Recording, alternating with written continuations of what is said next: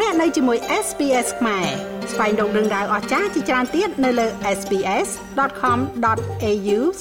ខ្មែរចាប្រិមត្តអ្នកស្ដាប់ VTV SBS ខ្មែរជាទីមេត្រីចាបងប្អូនបានដឹងហើយថាអំឡុងពេលនេះគឺជាពេលវេលាដែលបងប្អូនខ្មែរចិនកំពុងតែប្រារព្ធពិធីបុណ្យចូលឆ្នាំប្រពៃណីខ្មែរចិន យើងក៏ចង់ដឹងផងដែរថាបងប្អូនប្រជាពលរដ្ឋខ្មែរដែលកំពុងតែរស់នៅទីក្រុងមែលប៊នតើពួកគាត់ប្រារព្ធពិធីបុណ្យនេះដោយរបៀបណាហើយថ្ងៃនេះយើងនឹងជួបជាមួយនឹងបងប្អូនប្រជាពលរដ្ឋខ្មែរជាច្រើនរូបដែលគាត់នឹងចែករំលែកបទពិសោធន៍នៃការប្រារព្ធពិធីបុណ្យចូលឆ្នាំប្រពៃណីខ្មែរចិននេះថាតើវាមានទម្រង់បែបណាហើយមានអត្ថន័យបែបណាទៅយើងនឹងស្វែងយល់ជាមួយនឹងនាងខ្ញុំដូចតទៅចាជាដំបូងនេះនាងខ្ញុំនឹងជួបជាមួយនឹងបងប្រុសពិសិដ្ឋចាជំរាបសួរបងប្រុសបាទជំរាបសួរបងអូនតាណែ ចាសុខសុខសុខទុកធម្មតាបងចុះខាងបងវិញសុខទុកយ៉ាងណាដែរចាបាទសុខសុខធម្មតាហ្នឹងហើយអរគុណចារីករាយបនចូលឆ្នាំ ប្រពៃណីខ្មែរចិនចាដែលកំពុងតែប្រពនេះហើយខ្ញុំក៏គិតថាបងកំពុងប្រពពិធីបននេះដូចគ្នាដែរតើមែនឬទេចាបាទត្រឹមត្រូវអូនតាមពិតទៅបងក៏មានជាប់ខ្សែស្រឡាយជាកូនចៅចិន ហើយតាំងពីបរមបុរាណមកក៏ជាទំនៀមទម្លាប់ដែរតែតែប្រពតែនព្រេនជាលក្ខណៈគ្រួសារតាមប្រពៃណីអញ្ចឹងអូនចាជាធម្មតាបងប្អូនខ្មែរដែលមានឈាមជ័រជាជនជាតិចិននេះគាត់ប្រារព្ធជារៀងរាល់ឆ្នាំនៅក្នុងពេលថ្ងៃខែដូចដូចគ្នាដែរឬទេឬក៏យ៉ាងណាដែរចាបងបាទសំណួរនេះល្អតាមពិតទៅចូលឆ្នាំព្រៀបដើមទៅជាចូលឆ្នាំខ្មែរយើងចឹងដែរប៉ុន្តែខុសត្រង់ថា ចូលឆ្នាំចិនគេរាប់តាមគេថាចន្ទកតិតាមប្រតិទិទិននៃចន្ទកតិអញ្ចឹងណាណាហ្នឹងហើយដូច្នេះបើយើងនិយាយជាសម្រាយទៅគេរាប់តាមថ្ងៃចិនអញ្ចឹងណាចូលឆ្នាំហ្នឹងគេ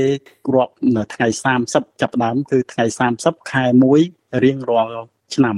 អញ្ចឹងការប្រារព្ធពិធីបុណ្យនេះគឺមានរយៈពេល2 3ថ្ងៃហាក់បីដូចជាប្រពៃណីខ្មែរយើងដែរចា៎តាមមែនទេចា៎បាទត្រឹមត្រូវ ហ្នឹងហើយត្រឹមត្រូវ3ថ្ងៃតាមពិតទៅចាប់ផ្ដើមគឺថ្ងៃ30អឺថ្ងៃទី1ទី2ទី3ហ្នឹងហើយប៉ុន្តែគ្រាន់តែចង់បញ្ជាក់ថាមុននឹងចាប់ផ្ដើមដល់ថ្ងៃ30ហ្នឹងអឺតាមជាទំនៀមទម្លាប់គេតែងតែធ្វើពិធីកម្មមួយមុននឹងរយៈពេលប្រហែលជាមួយសប្តាហ៍ជាទូទៅគឺរៀងរាល់ថ្ងៃទី23ថ្ងៃចិនណាថ្ងៃទី23ហ្នឹងគេហៅថាជាពិធី សែនដកជើងធូបអាហ្នឹងដែលតាមបងប្អូនជាខ្មែរយើងចិនខ្មែរយើងនៅស្រុកខ្មែរយើងច្រើនតែនិយាយអញ្ចឹងពិធីសែនដកជើងធូបបានន័យថាថ្ងៃទី23រៀងរាល់ថ្ងៃទី23ហ្នឹង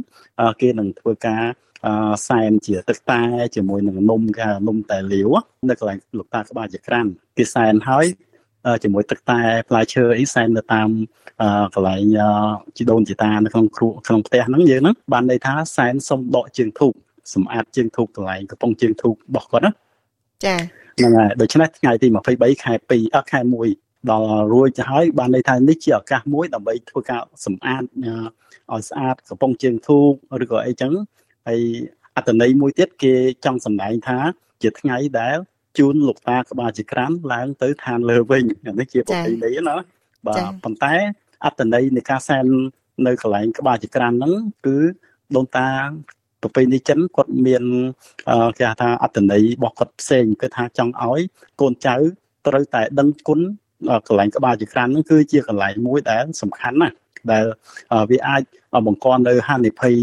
ជាពិភ័យអីអីគ្រោះក្នុងគ្រួសារដូច្នេះអានេះក៏ជាការរំលឹកដល់កូនចៅថា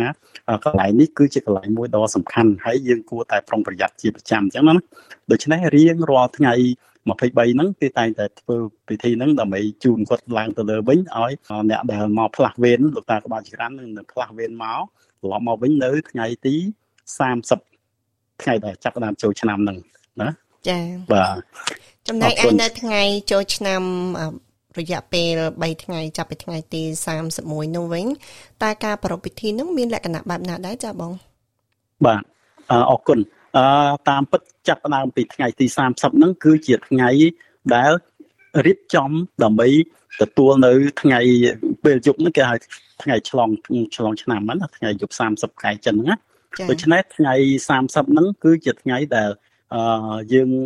ជាកូនចៅហ្នឹងចាប់ផ្ដើមធ្វើជាមហូបអាហារចំណីអាហារគ្រប់បែបយ៉ាងផ្លែឈើផ្កាភ្ជី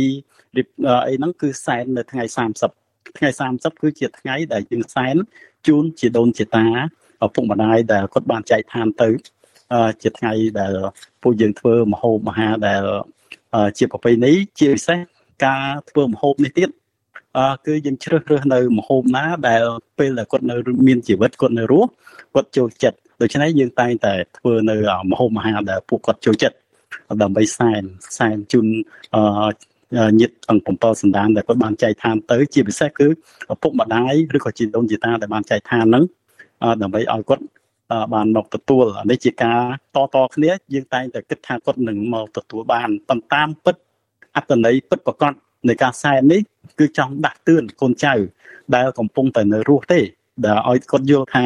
ដូនតាដែលគាត់ស្លាប់ទៅហើយហ្នឹងគាត់មិនអាចទទួលបានទេអាហ្នឹងជាពាក្យដែលឪពុករបស់ខ្ញុំហ្នឹងបានប្រាប់ហើយជាមួយពេលដែលយើងសែនហ្នឹង យើងតែងតែបកគោប្រកាសឈ្មោះរបស់គាត់ហ្នឹងដើម្បីឲ្យកូនចៅហ្នឹងបានយល់ថាអូញាតិមិត្តទាំងប្រមាណសន្តានរបស់យើងហ្នឹងមានអ្នកណាឈ្មោះអីត្រូវជាអាម៉េចអាម៉េចហ្នឹងដើម្បីឲ្យកូនចៅក្នុងក្រុមគ្រួសារហ្នឹងយើងអាចចាំគាត់បានអាចនឹករលឹកគាត់បាននៅអនុស្សាវរីយ៍ដែលកន្លងមកជាមួយគ្នាអីចឹងឬក៏កូនចៅមួយចំនួនអត់បើសិនជាមិនមានកម្មវិធីហ្នឹងគាត់ភ្លេចទាំងញាតិសន្តានគាត់មិនដឹងជាអ្នកណាជាអ្នកណា ហើយមួយទៀតដើម្បីបង្រៀនកូនចៅឲ្យយល់ថាពេលដែលឪពុកម្ដាយកំពុងតែមានជីវិតយើងគួរតែផ្គត់ផ្គង់នៅចំណីអាហារសម្ភារបំពាក់ខោអាវផ្ទះសម្បែងអីហ្នឹងឲ្យសមរម្យជូនដល់គាត់បើសិនជាការណាគាត់ចែកឋានទៅហើយទោះបីយើងធ្វើបាយសម្លជូនគាត់គាត់គាត់ទទួលមិនបានទេអាហ្នឹងឪពុកម្ដាយរបស់ខ្ញុំហ្នឹងគាត់តែងតែប្រាប់ដូច្នេះគាត់ន័យហ្នឹងយើងដើម្បីយើងគោរពគាត់ទេ ប៉ុន្តែកុំយល់ច្រឡំថាពេលអសែនទៅគាត់ជួយយើងឲ្យយើងរស់ស៊ីមានបានคล้ายទៅជាចេះចោះអីអានឹងជាការយល់ច្រឡំទេចាមានអត្តន័យល្អចាប៉ុន្តែនាងខ្ញុំមានចម្ងល់បង ត្រង់កន្លែងនេះបើសិនជាគិតអំពីអត្តន័យដោយលោកឪពុករបស់បងបានបញ្យលណែនាំវាហាក់បីដូចជាអត់ចាំបាច់ទេនៅក្នុងការដែលត្រូវធ្វើមហូបឲ្យច្រើនមុខសម្រាប់គ្រួសារបងនិងបងផ្ទាល់តើបងធ្វើមហូបបែបជាច្រើនបែបនឹងដែរទេឬមួយក៏ បន្តិចបន្តិចទេសម្រាប់តែការសែនជាតំណាងនឹងចាបាទអឺសំណួរនេះគឺសំណួរចំបេះដូងបងបងប្អូនចាអអរណាស់ហ្នឹងហើយបងប្អូនបានសួរសំណួរនេះគឺមានន័យមែនទេអឺធៀបពិតទៅអឺការសែននេះ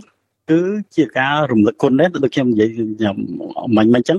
ប៉ុន្តែក្នុងលក្ខណៈដែលយើងធ្វើច្រើនឬក៏តិចទៅតាមសមត្ថភាពរបស់យើង ក្រុមគ្រួសារនីមួយៗប៉ុន្តែអ្នក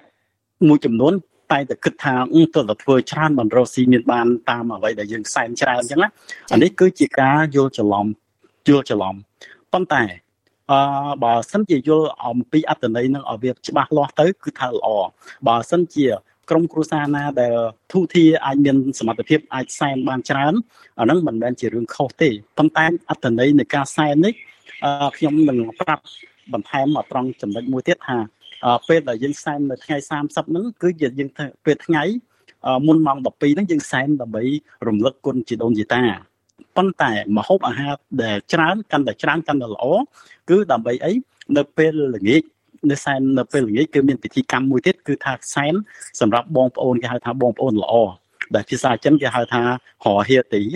ហរហេទីហ្នឹងជាភាសាតិជីវដែលគេនិយាយថាបងប្អូនល្អ ដែលជាពិធីកម្មមួយដ៏សំខាន់ហើយល្អដោយសារអីដោយសារមហូបអាហារដែលយើងសែនពេលពេលថ្ងៃហ្នឹងយើងមិនអាចហូបអស់ទេក្នុងក្រុមគ្រួសាររបស់យើងហ្នឹងដូច្នេះយើងមិនអាចហូបនៅពេលថ្ងៃនេះទេពេលល្ងាចហ្នឹងពិធីកម្មដែលយើងសែនហ្នឹងសែនបងប្អូនល្អហ្នឹងអត្តន័យរបស់សែនពេលល្ងាចហ្នឹងបានន័យថា យើងសែនដើម្បីឲ្យកូនចៅចាំថា អ្នកណាគេជាអ្នកបងប្អូនល្អរបស់យើង គឺអ្នកចិត្តខាងអ្នកស្រុកអ្នកភូមិរបស់យើងហ្នឹងគឺយើងកំណៅមហូបអីឡើងវិញឲ្យវាឆ្ងាញ់ហើយយើងគ្រាន់តែអុជធូបបងប្អូនល្អហ្នឹងបានន័យថាបងប្អូនដែលនៅជុំវិញផ្ទះរបស់យើងញាតិមិត្តផៅសន្តានគេហៅថាអឺបើយើងនិយាយឲ្យចំទៅគឺជាពេលហូបបាយសាមគ្គីរវាងយើងជាមួយនឹងបងប្អូននៅជុំវិញផ្ទះរបស់យើងអ្នកណាដែលគេហៅបងប្អូនល្អគឺអ្នកចិត្តខាងយើងហ្នឹង បាទសូមអរគុណបងអរគុណខ្លាំងណាស់បងប្រុសចំពោះការផ្ដល់នៅបទពិសោធន៍ហើយនឹងរៀបរាប់នៅអត្តន័យនាងខ្ញុំក៏បានសិក្សា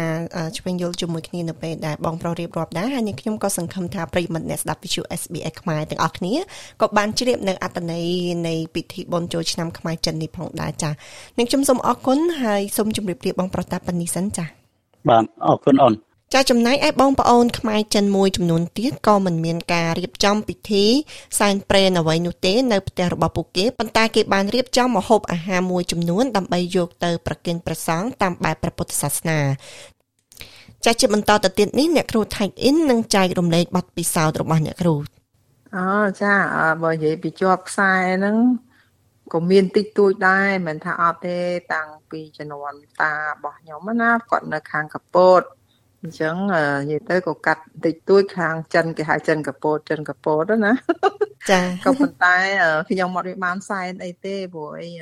ពីមុនធ្លាប់ដូចថាបន្តិចបន្តួចអីនេះដែរតែប្រភេទច្រើនដូចតាខ្ញុំគាត់នៅកពតគាត់ថាហ្នឹងហើយដូចថារបៀបតាមសាសនាយើងទេណាតាមពពុទ្ធអីដឹងអីទៅបងស្គរបងអីធម្មតាទេអញ្ចឹងណា ហ្នឹងហើយអត់មានបានសែនចិនទេចាពីមុនមើលមើលឆ្នាំដូចជាមួយឆ្នាំឬក៏ពីរឆ្នាំមុននេះខ្ញុំធ្លាប់ទៅលេងម្ដងដែរពេលគេធ្វើហ្នឹងគាត់ទៅដើរមើលគេរៀបចំអីចឹងទៅមើលគេមានមហូបមានមហាអីចឹងណានឹងមួយឲ្យក៏នៅចិត្តកន្លែងខ្ញុំហ្នឹងក៏មានដែរហើយចឹងទៅចុះយើងនៅនេះតនេចឹងទៅថ្ងៃ weekend ចឹងគេមានពិ ធីអីចឹងយើងគ្រាន់តែទៅដើរមើលគេមើលឯងទៅហើយទិញអីញ៉ាំអីចឹងណាចាមែនតែនតែយើងទៅចូលរួមហ្នឹងជាចម្បងហ្នឹងគឺថាដោយសារថ្ងៃហ្នឹងមានលក់ម្ហូបអាហារច្រើនចាអញ្ចឹងយើងក៏ទៅទិញម្ហូបអាហារចានៅ Springfield សបូម្ហូបខាងខាងយើងនោះសបូមានខ្មែរអីច្រើនដែរដល់ពេលខ្ញុំនៅកន្លែងខ្ញុំនេះក៏គេធ្វើដែរនៅ San Albert ណាណាចាសបូជនជាតិវៀតណាមហើយនឹងចិនអីហ្នឹងគេធ្វើហ្នឹង នៅម្ដុំហ្នឹង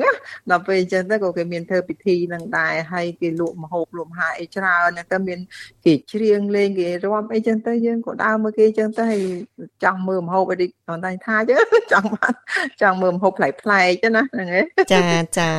អរគុណខ្លាំងណាស់អ្នកគ្រូចំពោះការផ្ដល់ពេលវេលាមកជូន SBS ខ្មែរនឹងបានចែករំលែកបទពិសោធន៍ចានឹងខ្ញុំសូមជម្រាបលាអ្នកគ្រូតាប៉ុណ្នេះសិនចាចាអរគុណច្រើនជម្រាបលាចាអរគុណណាចាអរគុណ